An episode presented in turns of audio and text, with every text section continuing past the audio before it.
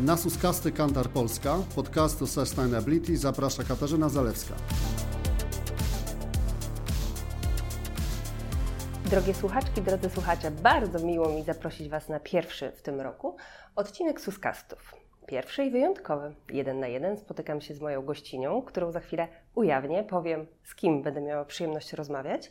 A rozmawiać będziemy o temacie, który jest mi niezwykle bliski, e, ponieważ w Kantar Polska na co dzień słuchamy, pytamy, analizujemy to, co zostawia w sieci, analizujemy w sposób bezpośredni, analizujemy przy użyciu choćby AI. To wszystko, co portretuje nam konsumenta. Konsumenta, konsumentkę, klienta, tę osobę, tych ludzi, którzy są w centrum biznesu. Tymi wszystkimi, którzy z punktu widzenia środowiska badawczego i marketingowego są najważniejsi. Natomiast wiem też, że są relatywnie nowym interesariuszem, elementem łańcucha wartości, łańcucha w ogóle całej układanki, gdy chodzi o ESG, czy zrównoważony rozwój. Jak to wygląda teraz? Jak wyglądało w przeszłości, kiedy to akronim ESG, czy wręcz CSR, dopiero stawał się, można by rzec, w cudzysłowie modny, czy wręcz taki uregulowany? Porozmawiam z osobą, która o tym wie dużo, która zajmowała się tym tematem, jak jeszcze, pozwolę sobie na takie sformułowanie, nie był tak modny, szumny i wszechobecny. Osoba, która jest pomysłodawczynią kampanii 17 celów, inicjatorką Polskiego Paktu Plastikowego. Osoba, której zasługi, której działania zostały wyróżnione innymi przez Forbes Women, jedna z 25 polskich liderek zrównoważonego rozwoju. Przede mną siedzi, drodzy Państwo, Małgorzata Greszta. Dzień dobry. Dzień dobry, Kasiu, dzień dobry. Witam Cię bardzo serdecznie witam serdecznie Państwa.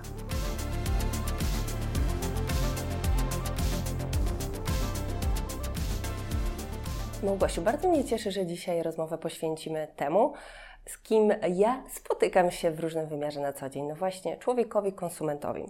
Powiedz proszę, tutaj odwołam się do Twojego bardzo bogatego doświadczenia biznesowego na rynku polskim i doświadczenia w tym temacie. Jak z Twojej perspektywy właśnie pracy z firmami z wszelakich sektorów oceniasz stan naszego biznesu? Jak w tym kontekście, co dobrego zadziało się na przestrzeni kilkunastu lat? Można by długo opowiadać. Ja zawodowo zajmuję się e, CSR-em, zrównoważonym rozwojem 24 lata, tyle minie e, dokładnie we wrześniu. I myślę, że zaczęłabym od tego, że to sformułowanie rewolucja ESG to jest sformułowanie, z którym troszeczkę się nie zgadzam. Dlaczego? Dlatego, że tak naprawdę, kiedy spojrzymy sobie na początki, pamiętajmy, że pierwszy taki oficjalny dokument Komisji Europejskiej pojawił się w roku 2001, to się nazywało Biała Księga Społecznej Odpowiedzialności Biznesu, i wtedy tak naprawdę już Komisja mówiła o takim strategicznym wymiarze społecznej odpowiedzialności biznesu, czyli takiej odpowiedzialności firmy za to, co dzieje się nie tylko w bezpośredniej relacji z klientami, pracownikami, ale w całym łańcuchu wartości, że to jest ta odpowiedzialność za ten pozytywny i negatywny wpływ i próba szukania rozwiązań, aby ten negatywny wpływ minimalizować, a zwiększać ten pozytywny. Tylko wtedy tak naprawdę pozostało to na etapie zapisu w dokumentach. I my w Polsce przez wiele lat myślę, że szukaliśmy takiego dobrego zrozumienia, czym tak naprawdę ten CSR jest. Przez wiele, wiele lat, kiedy zajmowałam się tym tematem na początku, w latach 2000, bardzo często nasze spotkania na wysokim szczeblu w różnych firmach zaczynały się od tego pytania, to o co chodzi tak naprawdę z tym CSR-em? Co to za trzy magiczne litery? Co to za trzy magiczne litery? Natomiast warto pamiętać o tym, że my w Polsce y, jako biznes też przechodziliśmy pewną drogę i w tych pierwszych latach, i one trwały dosyć długo niestety, y, to sformułowanie CSR nie zawsze poprawnie było rozumiane. Ono bardzo często było utożsamiane tylko i wyłącznie z działaniami społecznymi, a właściwie to jeszcze było ograniczone do działań charytatywnych.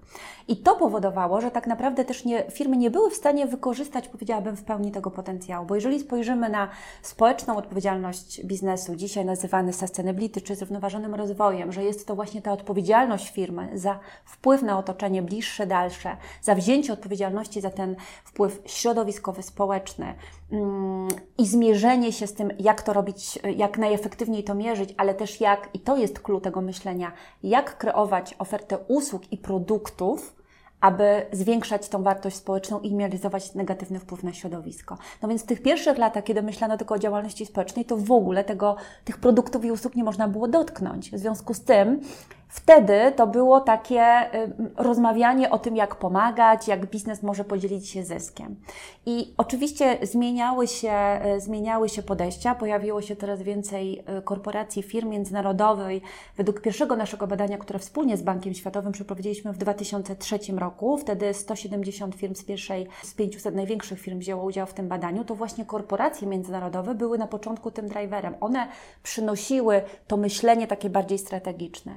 I to był moment gdzieś tam połowa lat 2000, koń, y, może 2008-2009, kiedy korporacje też globalnie zaczęły patrzeć bardziej y, tak praktycznie, utylitarnie na różne rynki. To już nie tylko jedna globalna strategia, tylko właśnie proces raportowania z różnych rynków. I wtedy też te firmy w Polsce zaczęły trochę nowy etap y, działalności w tym obszarze, co oczywiście też rzutowało na partnerów. Mm, więc powiedziałabym tak, że ta, ta rewolucja dzisiaj to jest rewolucja związana po pierwsze z legislacją. Mamy wysyp absolutnie w ciągu ostatnich dwóch, trzech lat legislacji i to powoduje, że zarządy, że osoby odpowiedzialne w firmach zaczęły ten temat zauważać. Ale on był obecny od dawna, tylko był po prostu niezauważany. To był taki. Yy, przez niektórych nazywany kwiatek do kożucha, czego myślę, że takim najlepszym obrazkiem jest pewna historia, którą usłyszałam podczas jednego z naszych warsztatów, gdzieś właśnie pod koniec y, lat 2000, y, kiedy jeden z przedstawicieli organizacji biznesowej określił CSR używając takiej przenośni, jak buduję dom i już mam postawiony dom i wszystko w nich stoi, to wieszam e, na ścianie obrazy i te obrazy to jest właśnie CSR. I tak wtedy myślano o CSR-ze. Prowadzę biznes i dodatkowo na ścianach powieszę obraz i to jest ten mój CSR. Dekoracji. A CSR to jest fundament, to jest to, jak ja buduję, jaki ja mam pomysł na biznes, jakie ja oferuję usługi i produkty, jak ja współpracuję z moimi dostawcami, jak ja szukam innowacji prośrodowiskowych. I ta zmiana myśle, myślenia zajęła nam parę lat. Dzisiaj legislacja bardzo mocno to przyspiesza.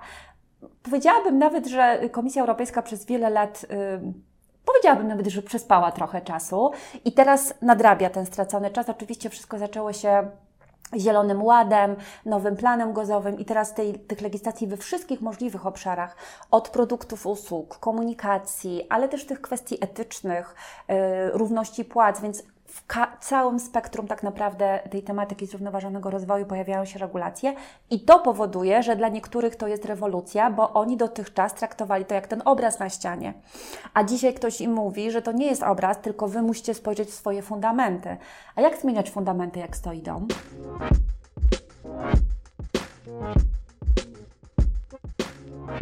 To jest, uważam, nietrywialne pytanie i uważam, że dosyć prowokacyjne, Małgosiu. Dziękuję Ci za te metafory, za to wprowadzenie. Faktem jest, że na przestrzeni tego czasu, jak to pięknie podsumowałaś, sporo się zmieniło. Doszedł nowy akronim, umówmy się, który no właśnie mógł spowodować coś, co niektórzy nazywają rewolucją. To pytanie było, powiedziałabym, dosyć prowokacyjne, bo oczywiście mamy tutaj pełną zgodę, że bynajmniej nie jest to obraz, a jest to, tak jak mówisz, zupełnie inny sposób zarządzania, planowania ryzykami planowania w ogóle w firmie, w organizacji. E, sporo się zmieniło na przestrzeni tego czasu. Powiedz proszę, czy Ty, no właśnie obserwując to głównie z perspektywy biznesu polskiego, widzisz także, że zmienia się w całej tej układance i w sposobie myślenia o CSR-ze, o ESG postrzeganie konsumenta. Wszak nieraz odbywałyśmy tego typu dyskusje na różnych forach, oczywiście prowokowane głosami z, z biznesu. Czy ten konsument jest oponentem, motywatorem, niezbędnym elementem łańcucha? Ja myślę, że po trochu każdej, każdej z tych cech i ról odgrywa. Zanim do tego konsumenta, to wydaje mi się, że jeszcze warto zwrócić uwagę na drogę, którą te firmy teraz przechodzą, bo tak jak powiedziałam, ta rewolucja związana jest z tym, że to jest wpisane w prawo i w legislację, no to Oczywiście. tego już ignorować nie można, to to już jest to must. I Powiem szczerze, że w ostatnich latach zauważam e, takie, powiedziałabym, pragmatyczne podejście niektórych firm. To są często duże polskie firmy, które są liderami w swoich, w swoich branżach, w swoich, na swoich rynkach, które dotychczas nie można powiedzieć, że nie miały żadnych działań związanych ze zrównoważonym rozwojem. One nie były strategicznie poukładane. Ale te firmy y, ten ich pragmatyzm w tym podejściu do zrównoważonego rozwoju polega też na tym, że one patrzą na zrównoważony rozwój jako taki integralny element prowadzenia biznesu, w dobrym tego słowa znaczeniu. To znaczy mówią, ok, to jak my się mamy zmienić, ale też jak mamy na tym zarabiać. I uważam, że to jest bardzo dobre, ponieważ gdzieś tam na początku w tym myśleniu, kiedy ten CSR łączył się z tymi działaniami charytatywnymi, to bardzo często to myślenie firm było takie wizyjne. Robimy to, bo musimy. ale biznes jest po to, żeby zarabiać i zrównoważony rozwój jest nie o tym, żeby nie zarabiać, tylko jest o tym, jak zarabiać. W związku z tym takie bardziej pragmatyczne podejście od firm wymaga włączenia wszystkich interesariuszy. Stąd właśnie ta zmiana fundamentów, czasami zmiana modeli y, funkcjonowania, zmiana modelu biznesowego, czyli zmieniam swoje produkty i usługi. Małgosiu, nie mogę nie kontynuować tego wątku, który rozpoczęłaś a propos zarabiania. E, wszak można by rzec z takiego powiedziałabym wręcz lotu ptaka, czy wręcz idealistycznie podchodząc do w ogóle założeń zrównoważonego rozwoju, można by rzec, że co do zasady nie powinno się na tym zarabiać. Mówisz o bardzo pragmatycznym wymiarze, który dostrzegasz właśnie też w polskim biznesie, który dostrzegasz na naszym rynku. Mówisz o tym, że jest to immanentna cecha realizowania strategii ESG, strategii zrównoważonego rozwoju. Ja nie rozumiem sformułowania, co to znaczy, że nie powinno się na tym zarabiać. I uważam, powiem szczerze, że to jest bzdura. Znaczy, jeżeli spojrzymy na zrównoważony rozwój jako element strategii rozwoju biznesu, to co to znaczy, że nie powinno się na tym zarabiać? Jeżeli nie chcesz na czymś zarabiać, to załóż fundację i rób coś dla pro bono i dla ogółu i dobra społecznego. E, to myślenie niezarabiania związane jest właśnie, o czym wspomniałam, kiedy firmy na początku w cudzysłowie błędnie rozumiały ten CSR, to znaczy traktowały to tylko i wyłącznie jako działalność społeczną, a właściwie to działalność charytatywną, no to oczywiste jest, że na działalności charytatywnej się nie zarabia. To jest ten wkład firmy w rozwój społeczny, wsparcie tych grup defaworyzowanych. Natomiast jeżeli spojrzymy na tą właściwą i szeroką definicję, i to jest, mówimy o tym, że to jest sposób, w jaki firma funkcjonuje, no to firma powinna zarabiać, tylko pytanie, w jaki sposób to robi. I teraz y, też y, pamiętam takie pytania, które się czasami pojawiają ze strony członków zarządu, na przykład, jaki powinniśmy mie mieć budżet na CSR? I to jest pytanie, na które y, jest bardzo trudno znaleźć odpowiedź, bo co to znaczy budżet CSR? Jeżeli CSR jest zrównoważony rozwój, to jest sposób, w jaki ja pracuję z moimi dostawcami, jak zmieniam swój produkt, żeby on na przykład lepiej funkcjonował w modelu gospodarki obiegu zamkniętego, jak inwestuję w rozwój swoich pracowników, no to po części wszystkie te budżety są elementem CSR-u. Czy zatem budżet firmy jest budżetem na CSR? Dokładnie. I ja pamiętam wiele, wiele lat temu, y, kiedy miałam przyjemność pracować, w, reprezentować reprezentować Polskę w, w, w gremium CSR Europe i byłam zszokowana takim sformułowaniem wtedy menadżera Johnson Johnson, Franka Welwerta, który powiedział, że e, zapytany o to, co on uzna za sukces w przyszłości, powiedział, jeżeli moja funkcja za 10 lat nie będzie potrzebna. I ja powiedziałam, ale jak to nie będzie potrzebna? Dzisiaj doskonale rozumiem te słowa. On właśnie miał dokładnie to na myśli, że CSR zacznie być obecny we wszystkich częściach, we wszystkich funkcjach biznesu zacznie to być element prowadzenia biznesu stanie albo się, fundament wręcz stanie prowadzenia się tym biznesu. fundamentem, no właśnie, Twojego metaforycznego domu. Dokładnie budujemy. tak. I w ten sposób strategia biznesowa równa się strategia zrównoważonego rozwoju, bo to jest jedna strategia, w jaki sposób firma funkcjonuje, w jaki sposób dostarcza usługi, produkty, Mm, współpracuje ze swoimi interesariuszami i w związku z tym budżet firmy to jest, to jest też w cudzysłowie ten budżet zrównoważonego rozwoju. I ta zmiana myślenia, ta zmiana takiego powiedziałabym paradygmatu zaczyna następować i uważam, że to bardzo dobrze i to już też na polskim rynku y, widzimy. W niektórych firmach mocno y, moderowane, że tak powiem, przez zmiany legislacyjne, to jest jakby oczywiste, ale w tym też nie ma nic złego. Ale są takie firmy, które patrzą na legislację jako też szansę. To znaczy, gdzieś widzimy, że w perspektywie dwóch, trzech lat coś będzie wymagane. Jak my dzisiaj możemy zbudować, zmienić nasz model, żeby być liderem tej zmiany? I uważam, że to jest bardzo pozytywny sygnał.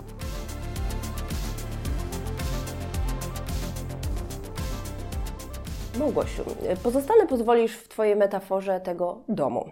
E, gdy zbudujemy ten dom, mam nadzieję, że już teraz na podstawach, na fundamentach odpowiedniego CSR, ESG, strategii zrównoważonego rozwoju, to do tego domu, niezależnie od tego, w jakim jesteśmy sektorze, zapraszamy konsumentów. Powiedz proszę, jak oceniasz, gdzie oni teraz są? Czy faktycznie oni już są serdecznie zaproszeni do tego naszego metaforycznego domu? Czy oni stoją dopiero i pukają?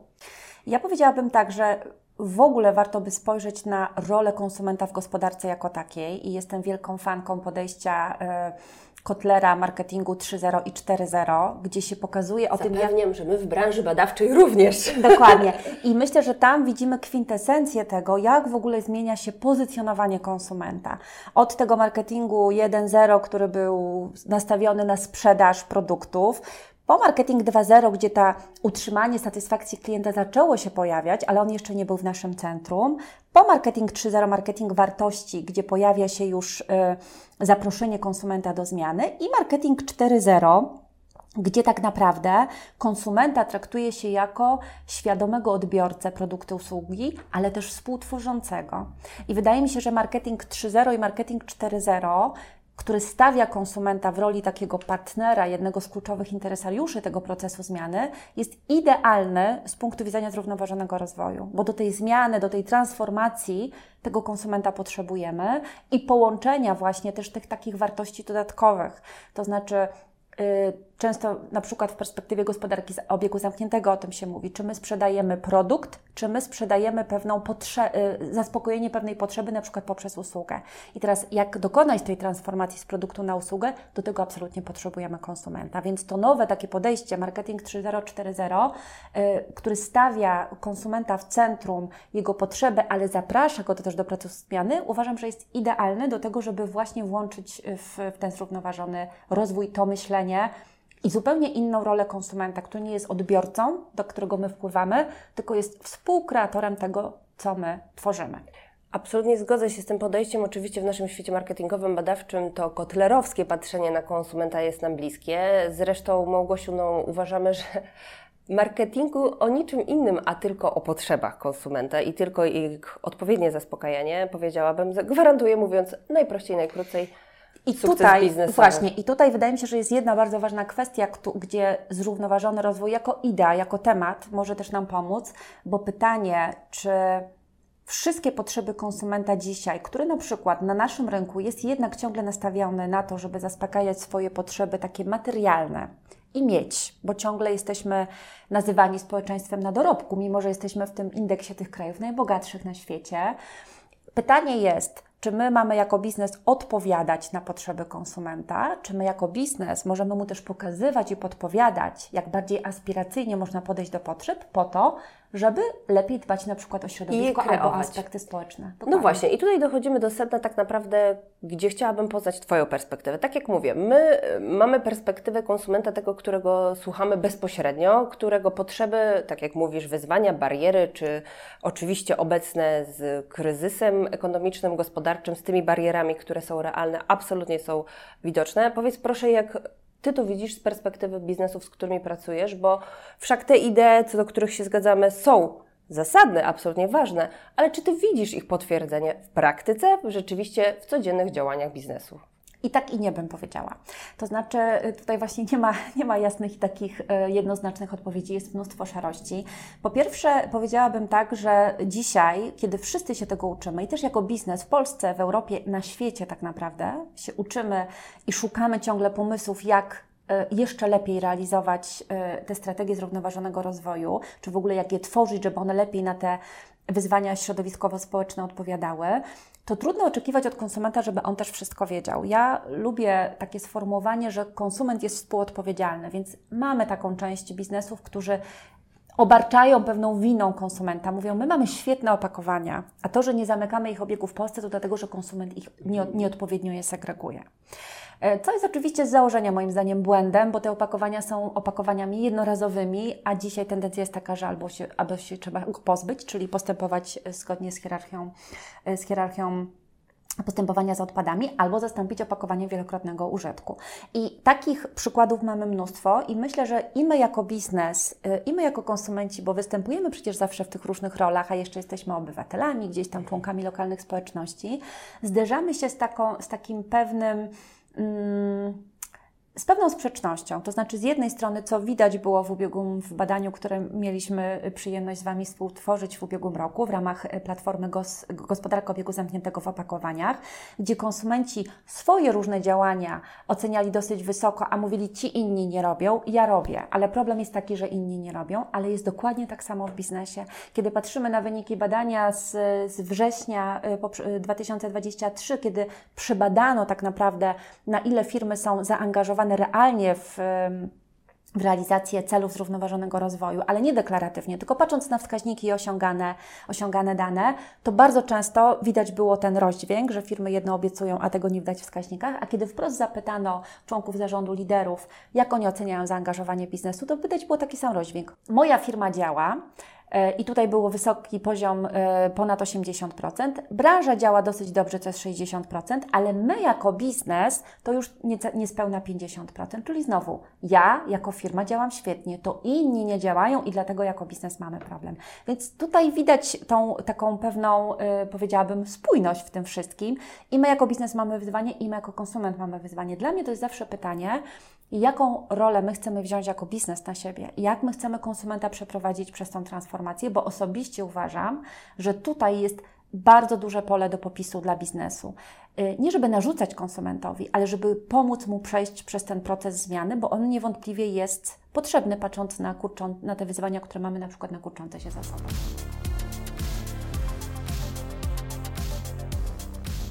Powiedziałabym, że piękną puentą do tego, co właśnie powiedziałaś, jest no właśnie Twoje hasło, współodpowiedzialność. Współodpowiedzialność biznesu i konsumentów. E, cieszę się, uśmiecham się na te dysproporcje, na te dychotomie, które tutaj przywołujesz, e, ponieważ e, dochodzimy tym samym do dysproporcji i do tych wręcz rozdźwięków, które to od lat ja obserwujemy, obserwujemy w naszych analizach, między innymi dotyczących zachowań w ogóle w ramach szeroko rozumianego zrównoważonego rozwoju, zachowania się w duchu proekologicznym, pro E, społecznym. Obserwujemy to także ściślej w badaniach, w analizach, które zresztą też razem miałyśmy przyjemność realizować wokół gozu, e, wokół gozu w opakowaniach tutaj przytaczonego. No bo wręcz powiedziałabym, że jest już mityczne to value action gap, rozdźwięk między tym, co konsumenci, co ludzie deklarują, że chcieliby robić, jakie zachowania podejmować, a jakie faktycznie podejmują. Dość powiedzieć, że w roku 2022 w naszym Sustainability Sector Index ten rozdźwięk wyniósł 97% versus 9%. Znane, jest, znane są Ci to liczby, Małgosiu. Dość powiedzieć, że w większości analiz i deklaracji, które zbieramy, no właśnie w kontekście podejmowania konkretnych działań, to na przodzie pojawiają się te, które de facto z jednej strony wymagają najmniejszego wysiłku konsumenckiego, bądź są uregulowane w jakikolwiek sposób prawnie, bądź e, ich nierespektowanie wiąże się z bardzo konkretnymi konsekwencjami. Mówię tu wręcz o mitycznym już segregowaniu śmieci i zabieraniu własnych toreb na zakupy. E, drogie słuchaczki, drodzy słuchacze, dla Was tutaj adnotacja, oczywiście tutaj poleca odpowiednie źródła, adnotacja dla Was, że faktycznie te zachowania pojawiają nam się jako najczęściej wskazywane przez Polaków, gdy pytamy, czy w ramach gozu, czy w ramach zrównoważonego zrównoważonego rozwoju jako te, które są przez nich podejmowane najczęściej. E, powiedz proszę Małgosiu, jak Ty na to patrzysz, no właśnie działając szczególnie w obszarze gozu, doradzając biznesowi w tym temacie, no bo mogłabym powiedzieć, że w pierwszym odruchu nic, tylko się obrazić na te wyniki i uznać, że absolutnie nie jest to partner do współpracy, który jedno mówi, a drugie robi. No, ja bym mogła odbić piłeczkę i powiedziałabym, że dokładnie tak samo jest z biznesem. Jedno głosi i pięknie opisuje w raportach, a potem patrząc na liczby i dane widzimy drugi obraz. Więc myślę, że ta trudność w realizacji tych zamierzeń towarzyszy nam, tak jak wspomniałam, i jako biznesom, i jako konsumentom, i jako obywatelom. Ta zmiana jest trudna. Ta zmiana jest trudna i powiedziałabym, że nie dziwię się konsumentom, że tak trudno to idzie, bo spójrzmy na wspomnianą, przywołaną tutaj chociażby kwestię opakowań. To jest tak y, y, szeroki temat, że czasami y, my, chociażby prowadząc Polski Pakt Plastikowy, widzimy bardzo już takie y, szczegółowe i niejednoznaczne dyskusje ekspertów. Więc jeżeli eksperci mają wątpliwości co do tego, które opakowanie wybrać i jak z nim postępować, to co ma powiedzieć ten konsument, dla którego ten wybór opakowania to jest jedną z x różnych decyzji? Przecież trudno oczekiwać od przeciętnego y, konsumenta, konsumentki, że stanie przy półce i będzie analizował wszystkie znaki, będzie wszystko znał, rozumiał. Więc wydaje się, że ten trop, którym idzie Komisja Europejska, na przykład yy, paszportów produktowych, produktowych, czyli zaszycia pewnych informacji, zbudowania pewnego standardu, to jest dobry trop, bo trudno oczekiwać, żeby konsument po prostu robił doktorat ze wszystkich y, wymiarów opakowania, ale przecież to a co z produktem, y, z jego śladem węglowym, z jego składnikami i tak dalej, i tak. Więc jakby tych informacji, które oczekujemy od konsumenta jest bardzo dużo i dlatego wracam do tego wątku, tutaj upatruję dużej roli biznesu, bo biznes może to konsumentowi ułatwić, wprowadzając oznakowania, wprowadzając proste komunikaty, zmieniając tak produkty i usługi, aby dawać wybór, że tak powiem, już konsumentowi tylko tych dobrych produktów. To też przywołuje, gdzieś tam wraca do dyskusji, którą kiedyś miałam bardzo ciekawą z jednym z przedstawicieli sieci handlowych, kiedy dyskutowaliśmy o tym, czy to jest odpowiedzialność sieci handlowych, żeby pewnych produktów konsumentowi nie oferować. Czyli na przykład, co wtedy chodziło konkretnie o, o jajka z wolnego y, wybiegu i schowu klatkowego. Czy my jako sieć możemy powiedzieć, my rezygnujemy, dzisiaj to już jest jakby narzucone prawem, ale wtedy to jeszcze było dobrowolne. Czy my jako sieć możemy po prostu narzucić konsumentom pewną wolę, to znaczy zrezygnować z pewnych produktów, które uważamy, że no, nie są spójne z naszą wizją właśnie tych, nazwijmy to w cudzysłowie, zrównoważonych produktów, bo to też jest niejednoznaczna definicja. Mm, to jest pytanie, czy konsument ma mieć duży wybór i sam wybierać, czy my już mamy mu ten wybór ograniczyć. Legislacja idzie w tym kierunku, że coraz bardziej będzie te w cudzysłowie niezrównoważone produkty, opakowania ograniczać. Więc to już jakby legislacja nam biznesowi y, oczywiście w, w, jakiejś perspektywie czasu będzie narzucać, ale to jest prawda, co ciekawy wątek. Y, Absolutnie, co oczywiście te ograniczenia, o których mówisz, z jednej strony no właśnie w słusznej idei, które oczywiście są tutaj podyktowane bardzo konkretnymi przesłankami i decyzjami, jednocześnie jak zawsze, jak każdy rodzaj w cudzysłowie ograniczania wyboru, wiąże się też i powoduje oczywiście różne reakcje społeczne to zapytam może trochę przewrotnie. Czy wystarczy, jak konsument, no właśnie, będzie segregował śmieci, będzie brał swoją torbę na zakupy, robił, no właśnie to niezbędne minimum, które sugeruje ustawodawca? Nie wystarczy. Nie wystarczy i znowu też jeszcze wrócę do tego, jak konsument to robi, bo jeżeli spojrzymy na segregację śmieci, która faktycznie w różnych badaniach, e, jak się patrzy na wyniki, to czasami nawet 97% konsumentów mówi o tym, że segreguje śmieci i tak się zastanawiam, co się dzieje, że na końcu mamy taki niski poziom recyklingu. No więc tutaj jest pytanie o jakość tej segregacji, to jest jedna rzecz, a druga rzecz to jest odpowiedź na pytanie, czy faktycznie to, co konsument deklaruje, co robi, czyli ten gap y, właśnie y, też. Y, myślę, że to jest już dobre, że ma takie poczucie, że powinien to robić, bo to też już jest taki poziom, że on czuje, że powinien powiedzieć, że segreguje, nawet jak tego nie robi, więc to jest już ten poziom, że tak mu wypada Oczywiście. powiedzieć i uważam, że to jest pozytywny sygnał pewnej presji społecznej. Pytanie, czy to faktycznie robi, a jak robi, to czy robi to dobrze. Na pewno to nie wystarczy i tutaj znowu trzeba by spojrzeć na taki szerszy kontekst w ogóle zmiany modelu, yy, powiedziałabym, gospodarczego i tutaj gospodarka obiegu zamkniętego i w ogóle cel 12 agendy, czyli zrównoważona produkcja i konsumpcja, która mówi o tym, że my dzisiaj po prostu powinniśmy ograniczyć konsumpcję. Yy, zmienić pewne modele tego, jak my korzystamy z produktów i usług jako konsumenci. I tutaj znowu jest rola biznesu, jak to zrobić, bo to też nie o to chodzi, aby z dnia na dzień pewne rzeczy spółek zniknęły oczywiście. I tutaj wracając do tej, e, tego podejścia kotlerowskiego marketingu 3.0 e, czy 4.0, Zapraszamy konsumenta do tego procesu zmiany. I to na pewno się musi zmienić, i my jako biznes musimy mieć lepszą ofertę, a konsumenci będą musieli, chcąc, nie chcąc, z niej e, e, korzystać. I miejmy nadzieję, że to się uda. I tutaj na przykład kwestia zamiany produktów na usługi. E, dzisiaj wypożyczenie samochodu to jest dosyć taka powszechna usługa i, i sporo z niej korzystamy, ale w wielu dziedzinach życia. Mm, mamy przedmioty, których nie potrzebujemy. Dla mnie takim ulubionym przykładem są na przykład wiertarki, czy jakieś takie przedmioty do remontów, których używamy bardzo sporadycznie w domu. Czy ja potrzebuję kupić wiertarkę? Nie, ja potrzebuję dwa razy do roku wywiercić dziurę, żeby powiesić obraz, nie ten CSR-owy, na ścianie. E, a jeżeli tak, no to ja mogę pójść i ją wypożyczyć. I muszę mieć, jeżeli to będzie tanie, blisko i szybko będę mogła to załatwić, no to wtedy zamiast w, w 30 milionów, w 30 milionach gospodarstw domowych wiertarka, to będzie ich znacząco mniej, co oznacza, że znacząco mniej zużyjemy zasobów. Jest to bardzo praktyczny, powiedziałabym, taki namacalny przykład no właśnie tego, w jakim kierunku możemy się zmieniać, w jakim kierunku te zachowania już podążają, będą podążać. Wspominasz o pewnej presji społecznej, powiedziałabym, takim klimacie z tym związanym, nomen omen. E, faktycznie go obserwujemy, widzimy, że się zmienia, że się zmienia na pewno w dobrym kierunku.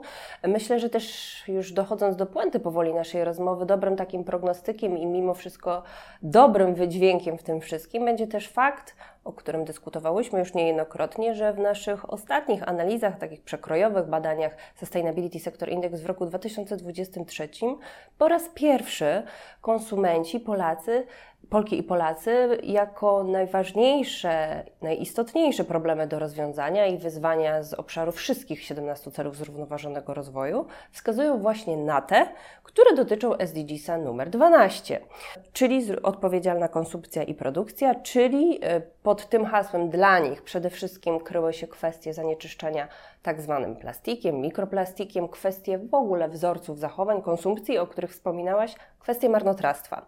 Zatem widzimy już ten prognostyk, bo w sumie to było 73% deklaracji, widzimy te przesłanki i oczekiwanie i zainteresowanie, za którym mamy nadzieję podążą i świadomość, i odpowiednie zachowanie. I jeszcze jedną rzecz myślę, że warto, żebyśmy powiedziały, mianowicie, że nie możemy tego wszystkiego oderwać od e, takiej realności i e, finansów.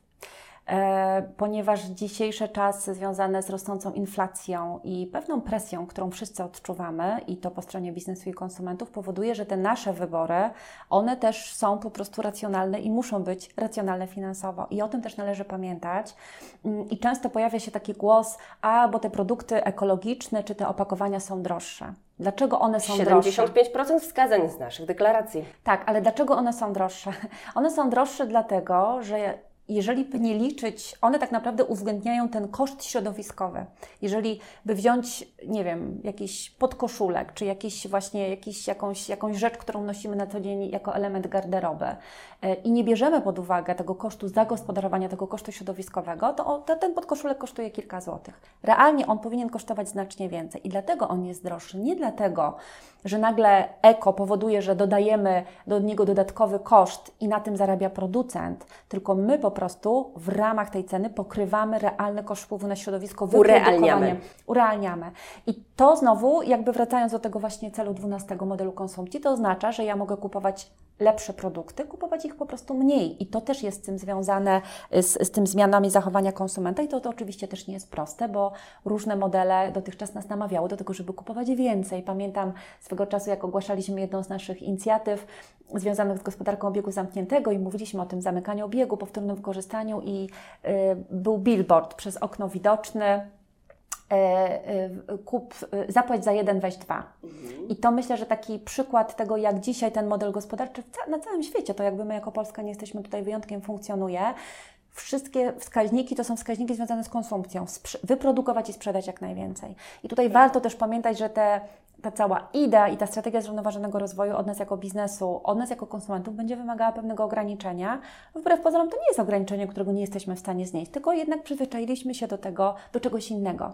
I dzisiaj musimy zmienić ten model i w tym tkwi ten, ta największa trudność dla jednej i dla drugiej strony, i dla biznesu, i dla konsumentów. Na szczęście i tutaj na rynku lokalnym i globalnym nie są już obce nowe wskaźniki, powiedziałabym wręcz alternatywne do PKB, które właśnie wskazują na ujmowanie innych czynników tak zwanego rozwoju. E, w tym kierunku zmierza świat, w tym kierunku myślę, że tak jak zresztą pięknie powiedziałaś, jest sporo do zrobienia, sporo przed nami, jesteśmy wręcz w cyklu, jesteśmy w trakcie.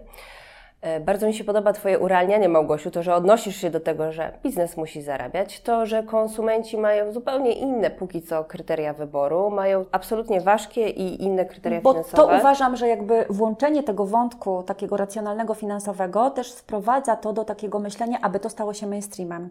Bo jeżeli my chcemy, żeby to były takie pojedyncze akcje, gdzie ta najbogatsza grupa konsumentów od czasu do czasu, albo nawet w miarę często to robi, kluczem jest to, żeby to się stało częścią prowadzenia dla nas biznesów, ale żeby też większość konsumentów mogła z tego korzystać. W związku z tym to musi być też e, rozsądne cenowo, a stanie się rozsądne cenowo, jeżeli to zaczniemy produkować na powszechną skalę, bo wtedy efekt skali też spowoduje, że te ceny nie będą musiały być aż takie wysokie, chociaż oczywiście no nie ma się to czarować, te produkty, usługi będą droższe. Muszą być droższe, żeby pokrywać ten realny wpływ na środowisko.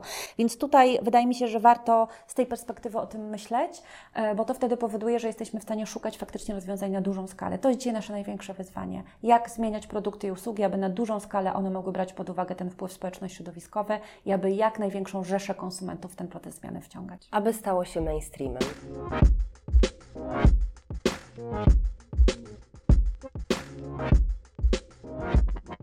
Zatem puentując naszą rozmowę Małgosiu, no właśnie, aby stało się mainstreamem. E, tradycją naszego Suskastu jest, że wiemy, że słucha nas biznes. Podcast stworzony jest po to, żeby urealniać, żeby radzić, żeby inspirować przede wszystkim ludzi w biznesie. Wiem, że to trudne, ale proszę, gdybyś była w stanie podsumować w jednym, dwóch zdaniach Twoja rada, inspiracja, złoty tip dla biznesu, który nas słucha. Ja powiedziałabym, że kluczową rzeczą jest to, aby spojrzeć na taką strategię, którą niedawno w jednym z naszych projektów GOS 2030 nazwaliśmy strategią Reinvent. Przemyśl swój biznes. I kluczem jest spojrzenie na swoje produkty i usługi, i zastanowienie się, czy o, na nie zapotrzebowanie będzie za 3-5 lat, czy ja będę miała surowce do tego, żeby dalej produkować te produkty, e, jak się zmienia rynek, jak się zmieniają oczekiwania konsumenta i czy to dalej będzie potrzebne. I to jest ta odwaga też moim zdaniem liderów dzisiaj, żeby się wycofywać z pewnych produktów, zmieniać swoje modele biznesowe, aby być gotowym do czegoś, co ja lubię nazywać gospodarką przyszłości. Taką gospodarką, która właśnie efektywnie wykorzystuje zasoby, aktywnie włącza konsumenta w ten proces zmiany i jednak wywiera y, mniejszą presję na środowisko, bo o tym musimy też, też pamiętać. Więc reinvent głównie przez, y, przez pryzmat spojrzenia na produkty i usługi. To powinno być serce zmiany firm. Wokół tego oczywiście procesy biznesowe, relacje z różnymi grupami interesariuszami, ale clue jest takie, aby produkty i usługi firmy, które oferują w różnych branżach, to były produkty i usługi, które w jak najlepszym stopniu odpowiadają dzisiaj na wyzwania społeczne i środowiskowe. Reinvent. Drogie słuchaczki, drodzy słuchacze, tego nam wszystkim życzę i zapraszam Was już do dalszej lektury na ten temat, bo lada chwila światło dzienne ujrzy kolejna publikacja GOS 2030, gdzie no właśnie tym razem mieliśmy przyjemność tuż po strategiach, 30 strategiach dla biznesu, mieliśmy przyjemność skupić się na tych strategiach, na tym, co rzeczywiście pozwoli nam współpracować, zaprosić do współodpowiedzialności konsumenta. Moją gościnią była Małgorzata Greszta. Bardzo Ci dziękuję, Małgosiu. Bardzo dziękuję, Kasiu, za zaproszenie i życzę Państwu miłego słuchania i zmiany w kierunku reinvent.